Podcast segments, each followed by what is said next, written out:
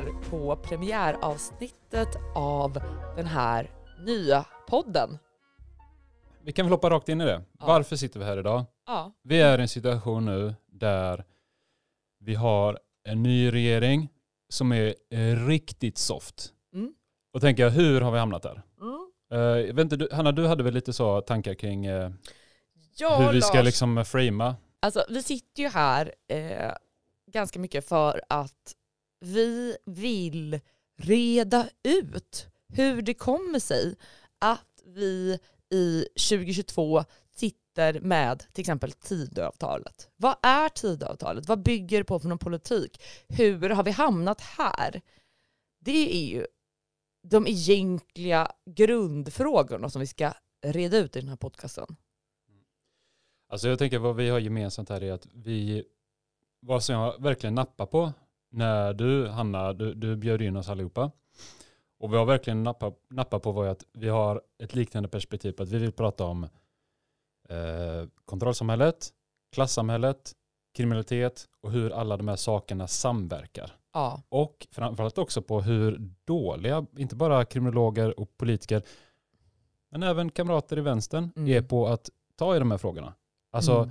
Den det- här det- det är inte- det är inte- det är inte ens så att, de, eh, att folk är dåliga på att hantera dem. Det är att man inte ens vidrör dem. Man har snosat eller man är rädd, rädd för att ta i de här frågorna på ett bra sätt. Och jag tycker som exempel är att, okej, okej, man brukar inom vänstern säga att kriminalitet beror på ojämlikhet och så vidare och så här, och man tycker att det är en bra förklaring. Men då tänker jag som kriminolog, om man går på djupet så är sanningen mycket värre. Alltså det finns mycket djupare kritik att hämta liksom, som är mycket mer fördömande av hela klassamhället och kapitalismen kan jag säga. Ja, det vi ser är väl att det finns en kunskapslucka. Att så här, den här kunskapen existerar inte ens. Så då måste vi fylla det hålrummet. Liksom. vi tycker ju att vänstern har snusat på de här frågorna. Alltså den här podcasten är ju i någon mån en kritik av vänstern. En kritik av områden där vänstern antingen lämnar walkover eller försöker spela på högerns planhalva och gör det jävligt dåligt. Men handlar det inte också om många gånger att eh, kriminalpolitik eh, bygger på känslor? Mm. Och att det är känslor som är ja, men svåra att beröra för att det handlar om så här frågor eh, som är hjärtefrågor också som handlar om så här sexualbrott, om våldsbrott och, och, och sådana saker rätt och fel, moralfrågor, ett narrativ med en god och en ond. Det är ju, precis som du säger, liksom grundbulten i kriminalpolitiken.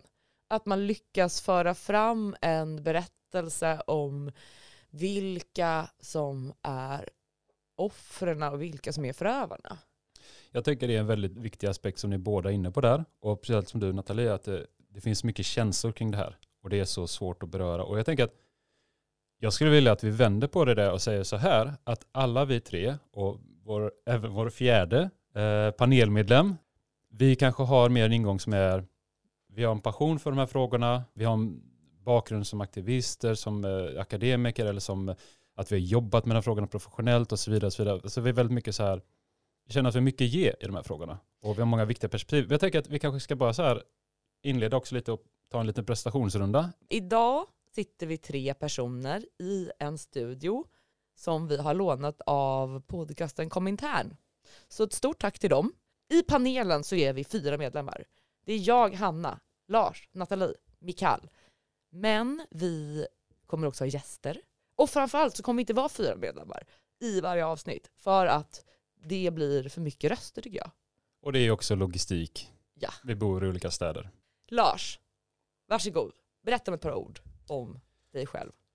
Nej men som du sa Hanna, vi, vi är båda kriminologer. Du har kommit lite längre. Jag har ju faktiskt, eh, jag började plugga ganska sent när jag var över 30 och nu är jag ju mycket mer än 30, nu är jag snart 40, men jag är klar med min master i kriminologi. Jag har jobbat lite emellan och pluggat lite och så vidare. Men nu är jag klar med det och eh, jag har ju jobbat, inte direkt med de frågorna, men jag har jobbat mycket i skola, jobbat mycket i, alltså på golvet så i vård och, och jobbar Inte så mycket nu, men eh, för några år sedan. Liksom. Men och, kom också in på det ganska sent eh, när jag var 30 plus. Eh, och Säg tre hjärtefrågor. arbetslivskriminalitet. Jag tänker också eh, missbruksvård. Eh, relationer mellan stad och landsbygd och hur alla små hålor i Sverige har blivit helt övergivna ekonomiskt, kulturellt, politiskt, precis som alla förorter. Så det är liksom där. Det finns ett stort gap there also. Det kommer bli ett temaavsnitt. Men jag kan om- säga också så här att vi, jag har ju bloggat väldigt mycket och skrivit, eh, varit lite journalist, skrivit mycket om hiphop och eh, då har man också närmat sig de här frågorna kring alltså gangsterrap, kriminalitet. Det har jag skrivit om en del. Det är någonting jag, också en hjärtefråga om man säger så.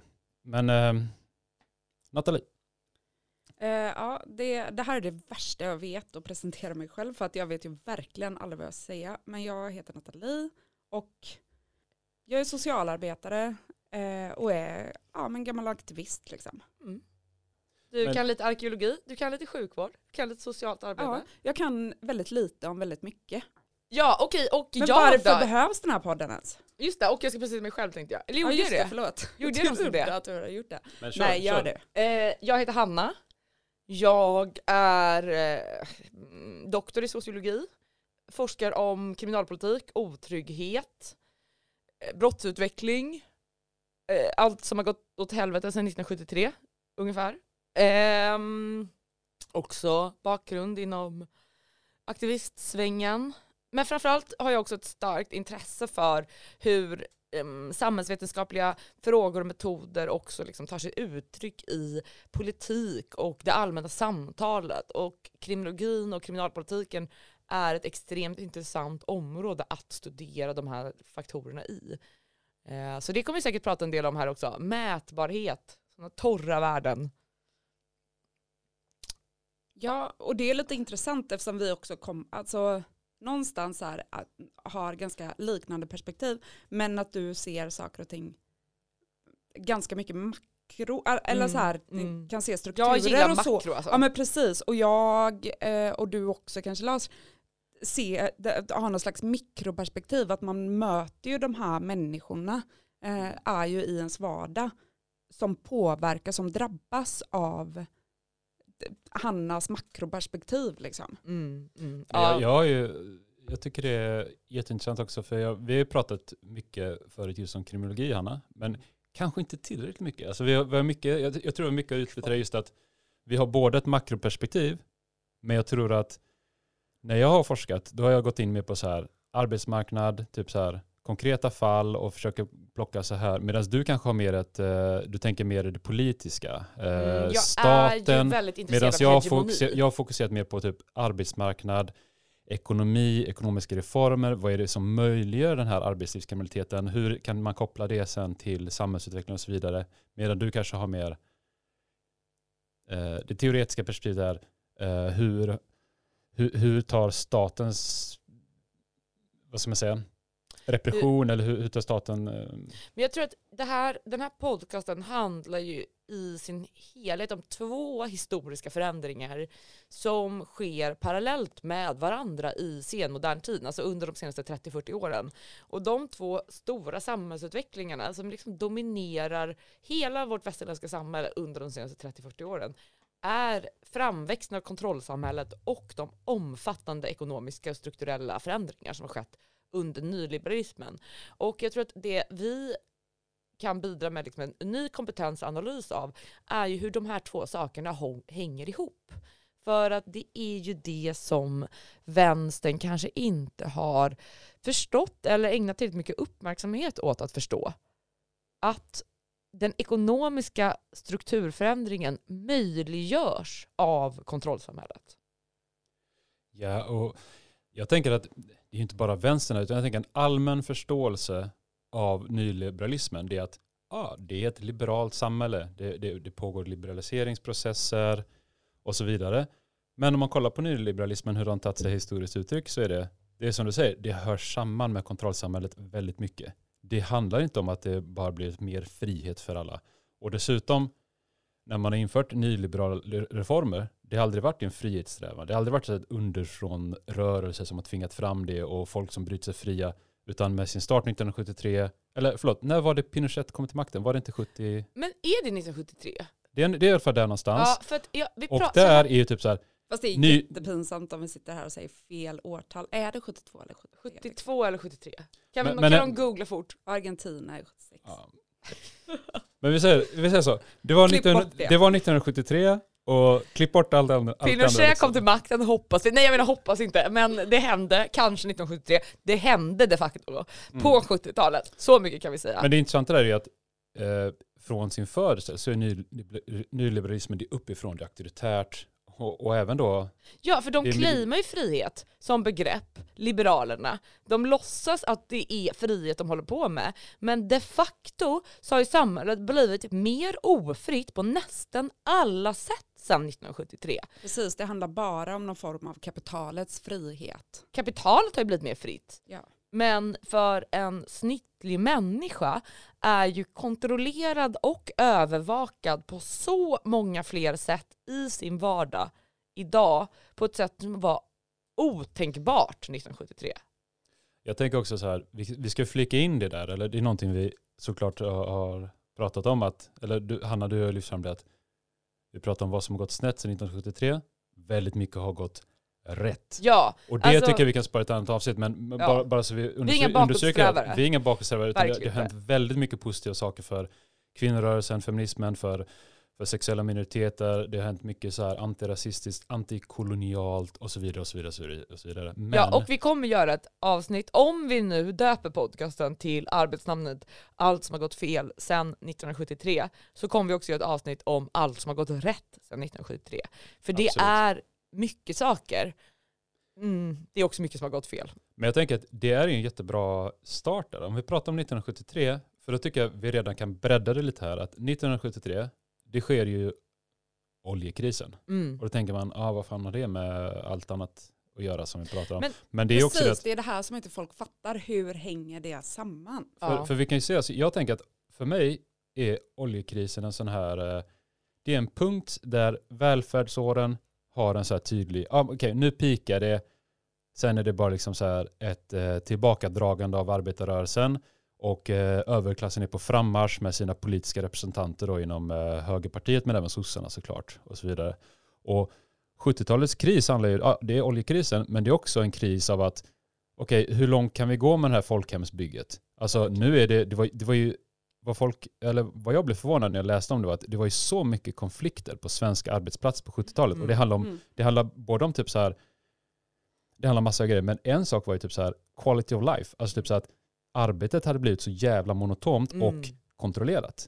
Så det var mycket det folk ville, vi vill ha värdiga arbeten. Vi vill inte stå vid ett rullande band och bli kontrollerade av den här jävla tids, eh, tidsinspektörsfunktionären liksom. Det finns ju några franska mm, filosofer och sociologer som heter Boltanski och Chiapello som skriver om precis det här.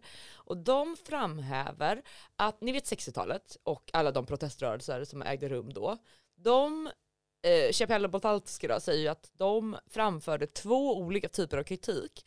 En kritik som de kallar för den ekonomiska kritiken och en kritik som de kallar för den artistiska kritiken. Och den ekonomiska kritiken, ja, men den är ju välkänd, kritiken att det, vi lever i ett ojämlikt ekonomiskt samhälle.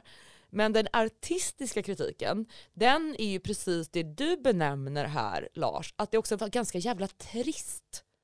Alltså Sverige på den tiden var fan tråkigt. Och det, eh, alltså den här nostalgiska vänstern som vi absolut inte tillhör, har ju inte heller någon förståelse för det. Hur jävla trist det också var på 70-talet i Sverige på många platser. Och där tror jag att man måste förstå, eller Boltanski och Chapelle säger så här, det borgarklassen gjorde då som svar på de här proteströrelserna på 60-talet var att man, forma, liksom man svarade upp på den artistiska kritiken för att kunna undertrycka den ekonomiska kritiken. Och det här är ju väldigt gramscianskt.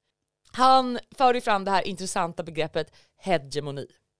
Men jag tänker du är inne där på hela kulturen och allt det där. Och, nej men jag tänker att på 70-talet det, det var det en vändning. Och jag tycker, alltså du hade liksom, från ett svenskt perspektiv hade du välfärdssamhället här, du hade folkhemmet. Men man såg ju också sen när folkhemmet växte fram, det var ett, det, man, man kunde välja på ett sätt historiskt, att ska vi välja en mer decentraliserad, folkligt organiserat folkhem? Nej, Vi tar det centralistiska, eh, byråkratiska och det var så folkhemmet byggdes. Betong-sossefolkhemmet. Ja, och där ser man också, det är nog så man kan förstå många av de här grejerna som hände på 70-talet, alltså typ så här, eh, punken. Ja, men jag tänker också att eh, mycket saker pikade på 70-talet. Ja. Att så här, eh, arbetarrörelsen också hade någon form av revolutionär peak. Mm. Att med typ löntagarfonderna och sånt. Du, löntagarfonderna är väldigt intressant att ta upp. Det är För- fantastiskt. Ja. Löntar, eh, alltså, Det är ett temaavsnitt. LO var ju mer revolutionära än vad Vänsterpartiet är idag. Eller vad vi, vi hade ju varit sossar på den tiden lägger jag. Men man ska också tänka det, att på, då på 70-talet, alltså många i facket då, alltså LO och liknande, var ju, de var ju så jävla engagerade. Alltså det var Mm. de som deltog i den intellektuella debatten kring de här Absolut, frågorna. absolut. Vilket är så här, man känner inte igen det idag. Nej, alltså det, det arbetarklassen är, en är, annan ju utraderad ur alltså intellektuella diskussioner och ur kulturen överhuvudtaget. Det finns ju massa studier på det där som visar att man kulturellt inte heller skildrar arbetarklassen längre. Ja men alltså precis. att, eh, ganska långt även in på 90-talet så ganska mycket av de sitcoms och du vet, böcker och sånt som konsumeras inom populärkulturen skildrar arbetarklassens vardag. Och det finns nästan inte längre i Nej. kulturen. Men jag Nej. tänker en sak också som var en faktor som inte finns idag är ju Sovjet Ja. som ett reellt hot. Mm. Men att det fanns någon form av så här, eh, Utmaning. idé om att det fanns så här, eh, en statskommunism liksom. Eh, som, var, som var ett hot vilket gjorde att, att borgerligheten var mer ja, lite, men, lite mer, lite mer Exakt. liksom, Alltså, kunde borgerligheten har ju gått med på en massa saker under På- 1900-talet. För på grund att av hotet, Sovjet. Exakt, hotet om kommunism och det kommunistiska övertagandet och att det finns en möjlighet att liksom, vad ska man säga, att, att typ arbetarklassen sviker nationsbygget, om vi uttrycker det så. Eh, och liera sig med liksom, den internationella arbetarklassen. Det hotet har ju legat som ett spöke Exakt. Över det Europa. spöket. eh, under, eh, i alla fall, ja men kanske liksom fram till 70-80-talet. Ja, och det finns ju inte idag. Och är det inte. därför, delvis därför som vi blir totalt rövknullade. Ja, möjligtvis. Alltså, när vi började prata om det här poddnamnet, då tror jag att min första pitch var, eller arbetsnamnet var Allt som har gått fel sedan 1981. Och det var tror jag för att jag hade någon gammal forskningsartikel i huvudet där Terborn, en väldigt bra svensk eh, sociolog, eh, han har gjort massa studier som visar att 1981, då är Sverige världens minst ekonomiskt ojämlika land. Så därför tror jag att året 1981 fanns i mitt huvud. Men då påpekade du, tror jag Lars, helt korrekt, men att anledningen till att det sen faller under 80-talet, eh, de anledningarna liksom börjar längre bak. Alltså i, i 70-talets oljekris, i liksom, ja, men allt som hände på 70-talet snarare. Så att, jag menar, det, och då tror jag vi landade på 1973 som ett mer lämpligt år. Men just det här med att Sverige har, det här tror inte folk på, kan jag säga, när jag berättar det för folk. Sverige är idag lika ekonomiskt ojämlikt som USA. Det är sant. Det är Jag sant. tror, jag Ja tror, men det är också Terbom alltså. som Ja. pratar om det och, och eh, han drar väl också så här paralleller till 1800-tal. Men jag tänkte just på Terbron också, jag tyckte det var väldigt intressant att läsa, han har nog säkert fler artiklar om just det här, men han, det, han, han har forskat mycket om det.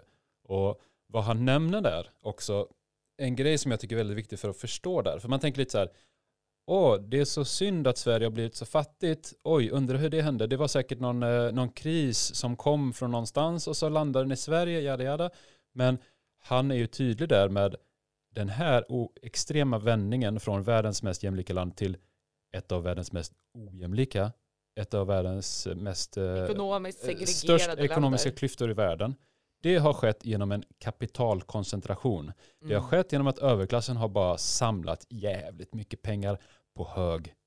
Mm. Det är det som har fuckat allting. Så bara så här, lägg, lägg the blame where it's supposed to be. Alltså det är överklassen som bara har, eh, de har inlett en sån jävla motoffensiv sen 70-talet och framåt. Och det är liksom genom alla deras tankesmedjor, för att prata om he he hegemoni och liknande, så är det, de har har sina tankesmedjor, sina förlag, och de har liksom korrumperat Moderaterna, Folkpartiet, sossarna och så vidare. Och, Korrumperad, alltså Moderaterna har ju alltid varit ja, det okej. svenska Men alltså de har korrumperat sossarna i alla fall kan man säga.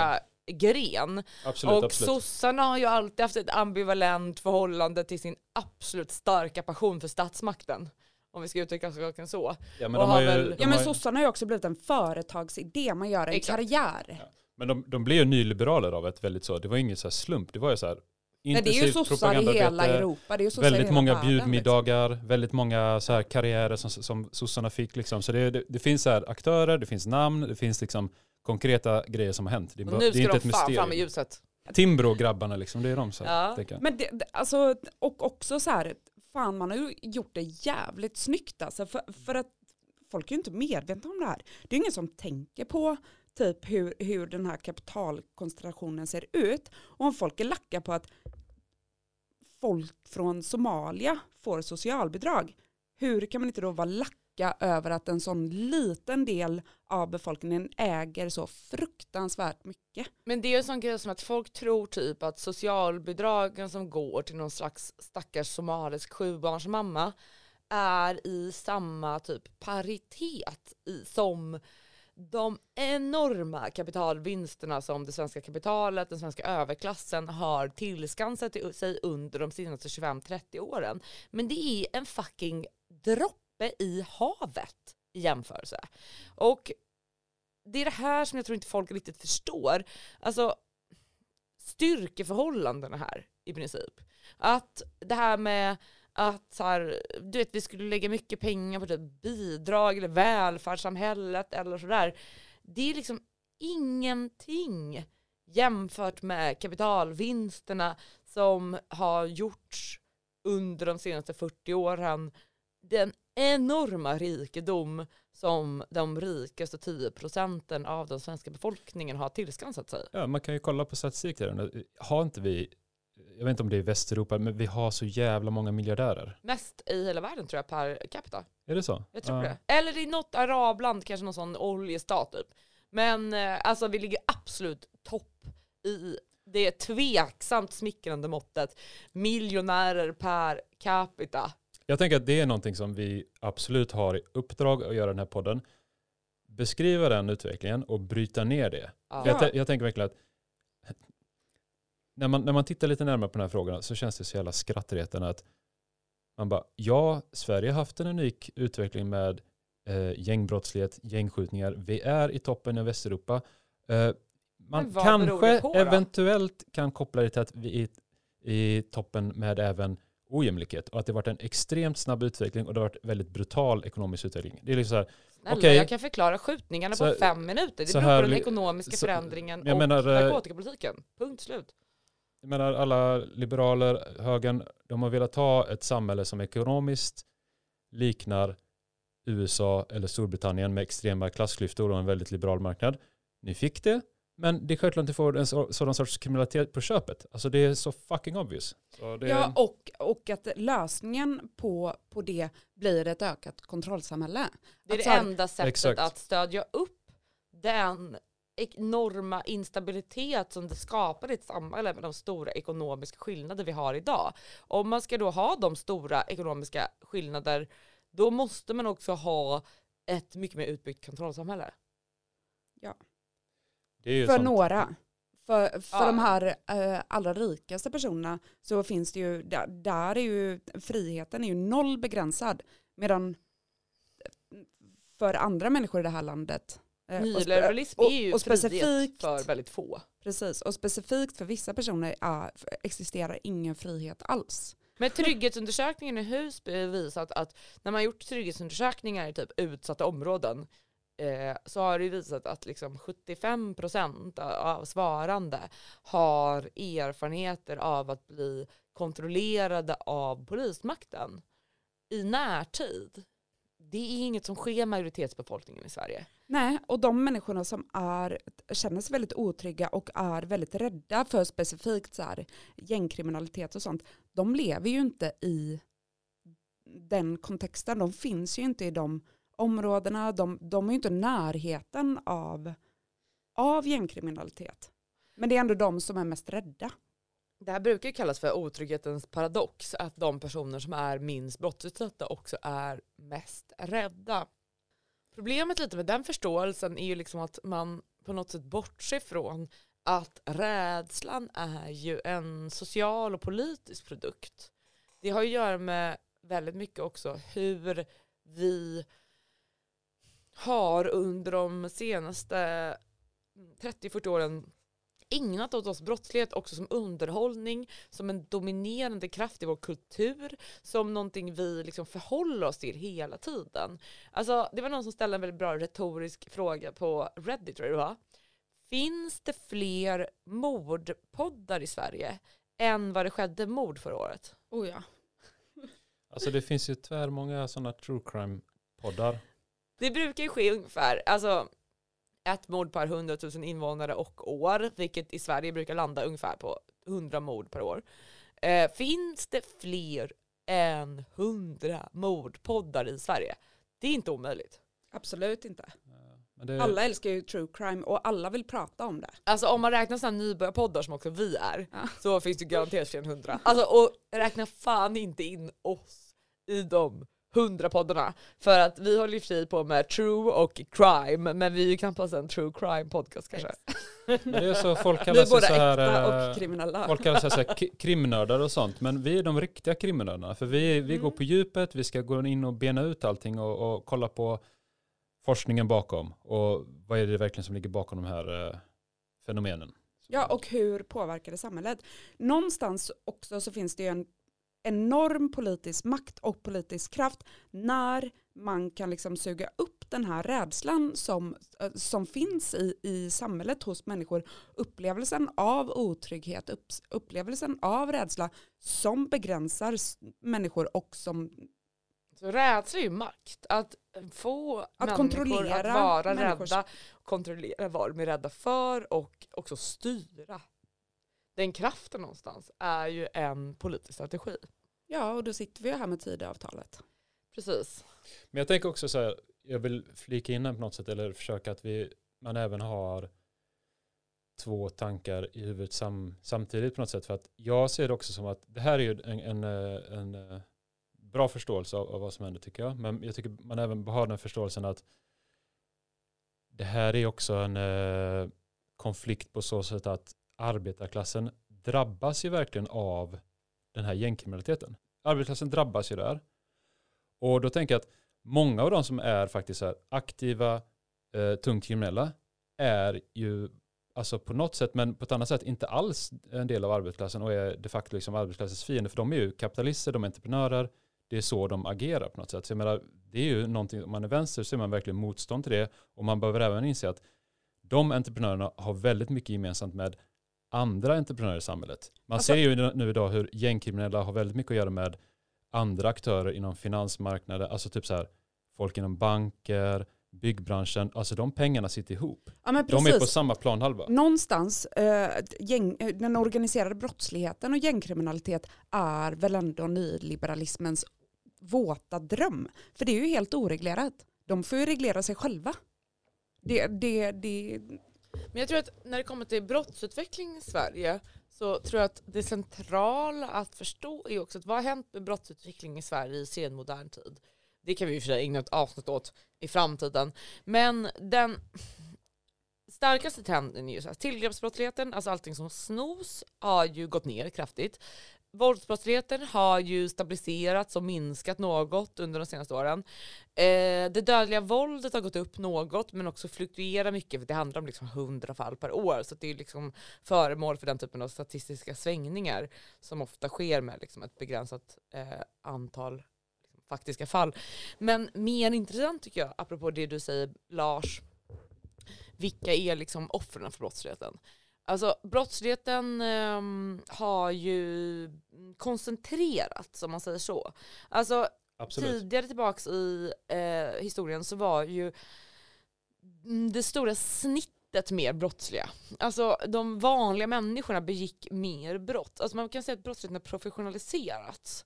Alltså den är mer koncentrerad i vissa befolkningslager. Den är mindre spridd i det allmänna liksom befolkningen om man säger så. En förståelse som har växt fram hos mig när man, när, man, när man pratar om det här, hur har brottsligheten i Sverige förändrats? Då är det att vi har blivit mer och mer civiliserade på så sätt att vi, alltså så här, På gott Eh, och ont. ja men vad jag menar då just specifikt är att färre ungdomar eller unga män framförallt hänger ute på torg och gator och är jättefulla och har kniv på sig. Alltså vi slåss mindre, Men vi eh, super mindre, det, det, det, vi har mindre kul. fler sitter hemma och spelar data, Mm. ungefär så. Men å andra sidan har samhället blivit mycket mer uppdelat. Så att de som är verkligen utanför och är kriminella är liksom, de är väldigt mer, mycket mer isolerade. Vi har fått ett så här, mycket mer, eh, vad ska man säga, vi har fått en kriminell, kriminell miljö som är mycket mindre generaliserad och mycket mer, som du sa, typ professionaliserad. För det handlar mycket mer pengar också, för det växer fram så här. En enorm narkotikamarknad. Exakt. Men den kan vi ju ägna ett eh, avsnitt till så att säga, alla de här strukturella faktorerna som alla i svensk politik snosar för faktiskt styr brottsligheten. Ja. Där den främsta faktorn bakom det dödliga våldet är ju kriminaliseringen av narkotika. Alltså så länge vi har en enorm narkotikamarknad där det går in enorma pengar för att folk vill köpa enorma mängder droger så kommer det också finnas folk som vill tjäna pengar på den marknaden. För så fungerar kapitalism som känt. Eh, det är väldigt konstigt i ett kapitalistiskt samhälle att dra argumentet att det är liksom moraliskt fel att tjäna pengar på just den här marknaden. Det går ju liksom mot liberalismens grundkonstruktion. Eh, konstruktion. Ja, men också någonstans som droganvändningen är ju inte koncentrerad till eh, den Nej. här segregerade utan det, det rör ju, demokratiskt. det är jävligt demokratiskt men hur, hur, hur ens liv påverkas och vad man får för konsekvenser av sitt droganvändande är ju väldigt, väldigt beroende av vilken, vilket skikt i samhället man tillhör. Men det är också som att den stora risk som det innebär att tjäna pengar på en kriminaliserad drogmarknad är inget som attraherar liksom majoritetsbefolkningen. Eller framförallt liksom medelklassen attraherar inte. För att det bygger på en ganska rationell förståelse för du kommer kunna tjäna mer pengar på narkotikamarknaden än vad det någonsin är rimligt att du förväntar dig att tjäna dig på den legitima arbetsmarknaden. Ja, vilket också är fruktansvärt sorgligt för ser man på så här forskning och studier som har gjorts på hur mycket man tjänar på att deala så i timpenning så är det ju liksom lägre än typ en Jo men hur mycket tjänar man på Foodora? Alltså Ja, det är ju det som är grejen. Alltså, det är där man måste säga, vad tjänar du på att sälja hasch, vad tjänar du på Foodora? Alltså, Ja. För det är ju inte som att när eh, en viss typ av liberaler pratar om det här, då är det som att man tänker så här, ja men ett eh, kontorsjobb, man tjänar 35 000 i månaden, men då går och dricker kaffe, det är ganska trevligt. Snälla, de här eh, personerna som säljer gräs i diverse eh, förorter förstår ju själva att ha den typen av ganska slött kontorsjobb finns liksom aldrig. Du vet, Nej men för, ja, för, för att det finns eh, ett skikt i Sverige av människor som var kända möjlighet att överhuvudtaget ha, ha möjlighet att så här, åka på semester eller så här, köpa ett märkesplagg eller någonting. Det är att sälja droger. Det, Ja. det är liksom den karriärsutvecklingen man kan göra för att samhället är så extremt segregerat. Och att droger är en så populär vara för att det visar sig att eh, liksom, Alla knarkar. alla vill ju knarka typ. Alltså det är ju en, eh, det här med att be- berusa sig är ju på något sätt, alltså det är väldigt svårt att hitta ett eh, exempel på ett mänskligt samhälle där vi inte haft berusningsmedel.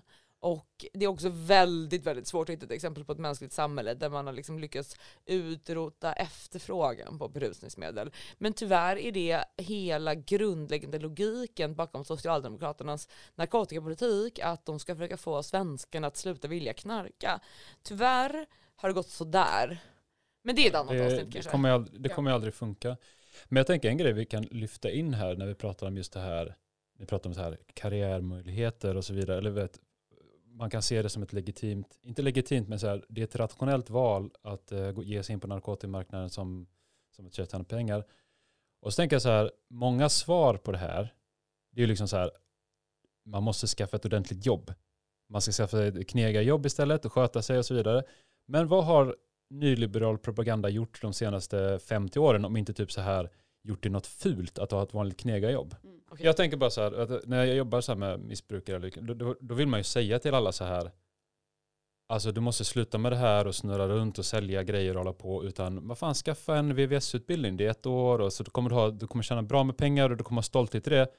Man bara, det är ju exakt motsatsen till vad alla, all nyliberal propaganda har sagt. Här, du ska vara en entreprenör, du ska satsa på dig själv, du ska inte gå runt i så här någon arbetskläder och sånt. Men Snälla, de är de bästa entreprenörerna, ja, skaff, Skaffa dig ett sånt jobb, du kommer, då kommer du ha ett bra liv och då kan du köpa en Rolex också och, och må bra om typ fem år. Du vet, det, är den pengar, liksom. mest, liksom. det är de som lever entreprenörlivsstilen på riktigt är ju de som säljer droger. Alltså det finns ju inga mer äkta entreprenörer. Typ.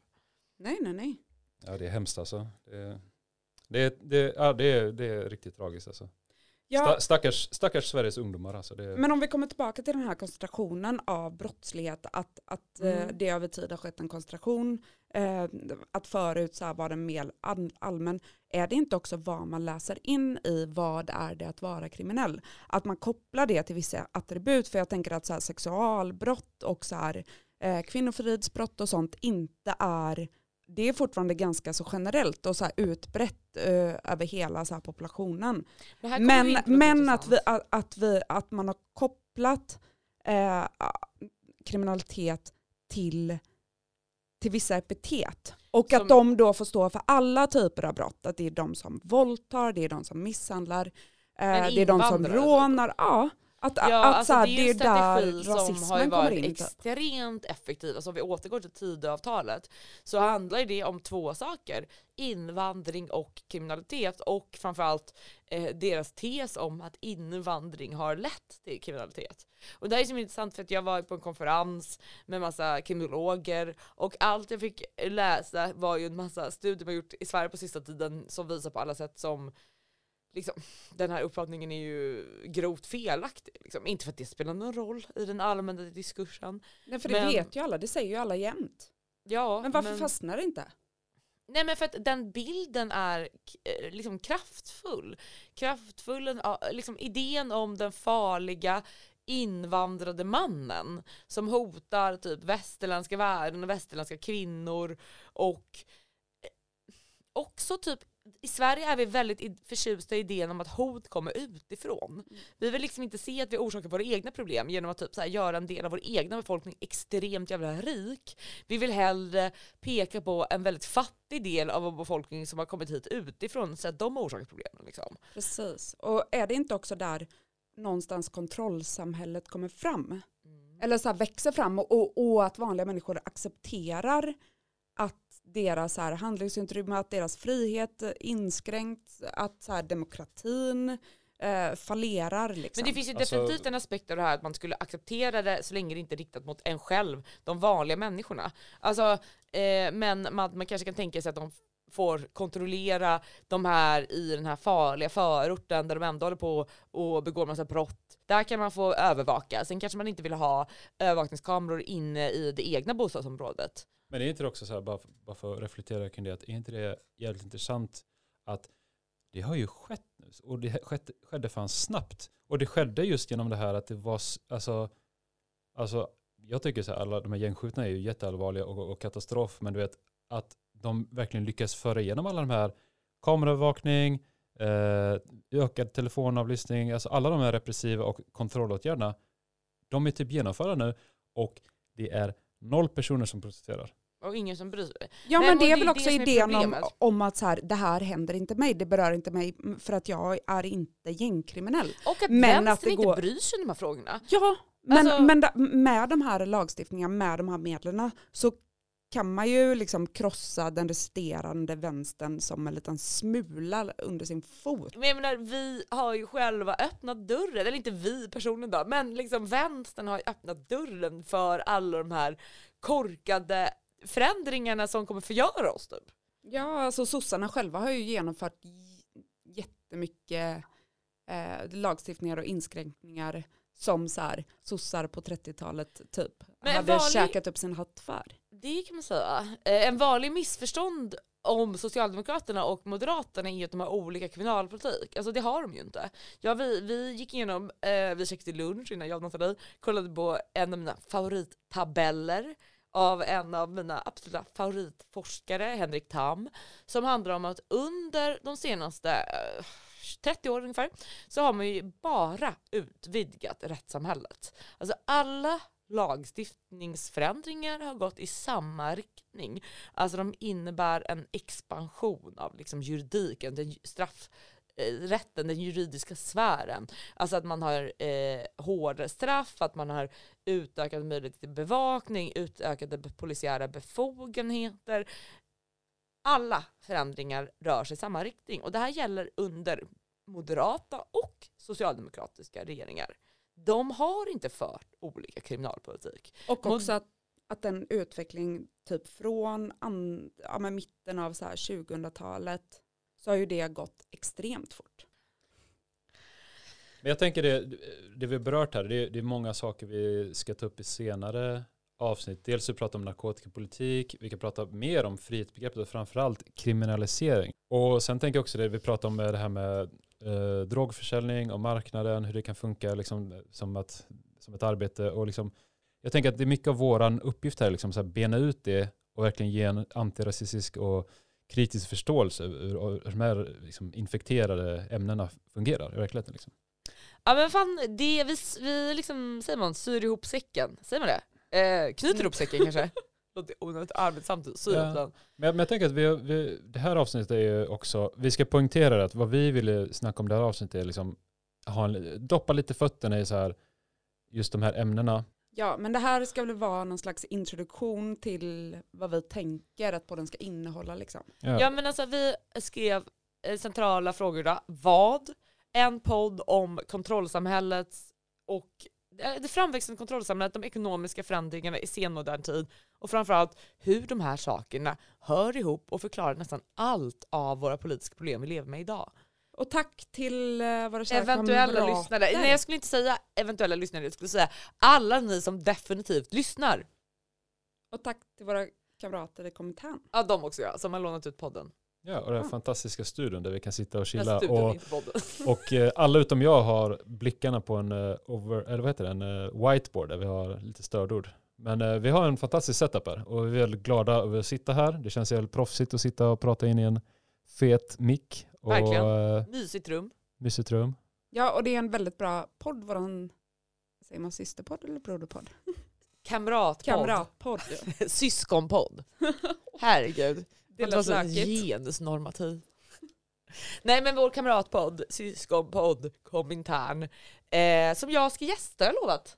Så att, eh, det blir bra, då kanske vi får några lyssnare. Kul. Men ni, om ni har lyssnat på det här och också tycker att vänstern har snosat på de här frågorna, också tycker att det är för jävligt med ett övervakningssamhälle, och slå sönder en kamera. älskar polisen, kan inte ni tipsa era kompisar om att lyssna på den här podden? mycket bra. Puss! Tack för oss! Tack för oss. Ha det bra.